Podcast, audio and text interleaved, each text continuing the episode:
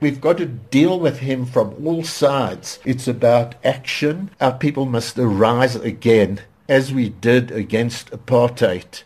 Op 78 kan 'n mens maar jou sê sê.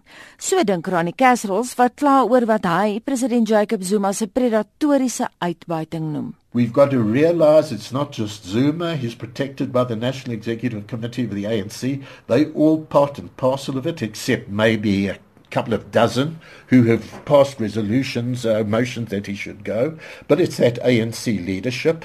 It's the cronies around him. It's the people who he's put in place to get rid of people like the Pravin Gordhans, Kabesi Jonases, and others who won't allow the Guptas and the Zumas and his son and others like that to loot the treasury. I side with that defense. Maar Castros glo ook vas dat om net van Jacob Zuma ontslae te raak, Suid-Afrikaners niks sal baat nie. It's got to be to get rid of this whole grouping there. It's the cabal, it's the Premier League, it's a patronage network like a mafia, a deep state in the country that he's been embedding to protect himself from going to prison and to maintain the wealth that's accumulating to his dynasty. This is against the interests of all our people. Nee se Castros, die jeug, vroue, vakbonde, sakelei, kerkleiers, die burgerlike samelewing en die regsbank se gesamentlike boodskap aan Jacob Zuma en die Guptas moet onomwonde wees.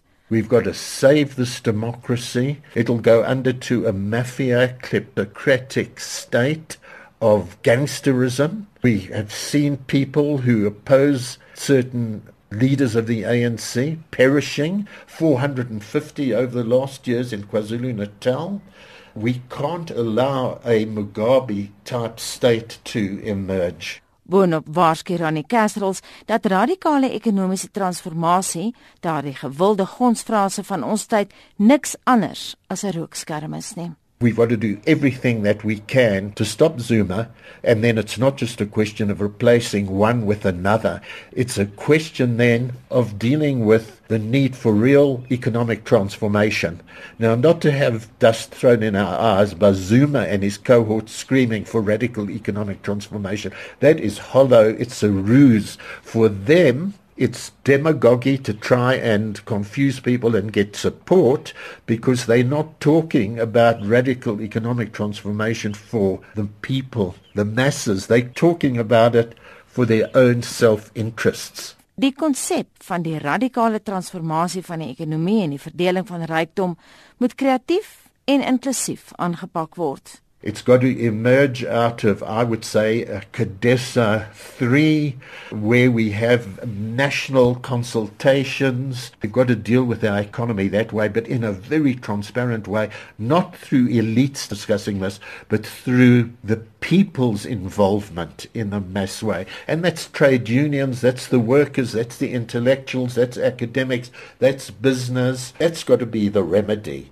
En hier het Afrikaners baie beslis 'n rol te speel. Absolutely. Here's an example, Sampie Terreblanche, the eminent professor from Stellenbosch living in that beautiful town. Mm-hmm. I'm living in Cape Town at that stage, and I get hold of his book, Lost in Transition, which every South African should read, and it blows my mind.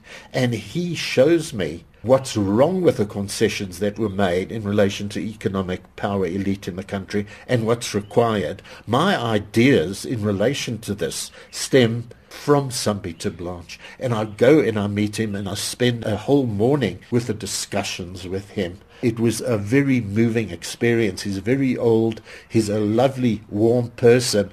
And you see Afrikaners in this country, because they've been so close to the soil and the country, They've become much more practical, pragmatic. They, in fact, have been easier to find the need to change ultimately. It's a pity, and we find it amongst Engelsmense, Afrikaansmense, those residues of racialism which are so ugly. But that is no longer reflective of the Afrikaner folk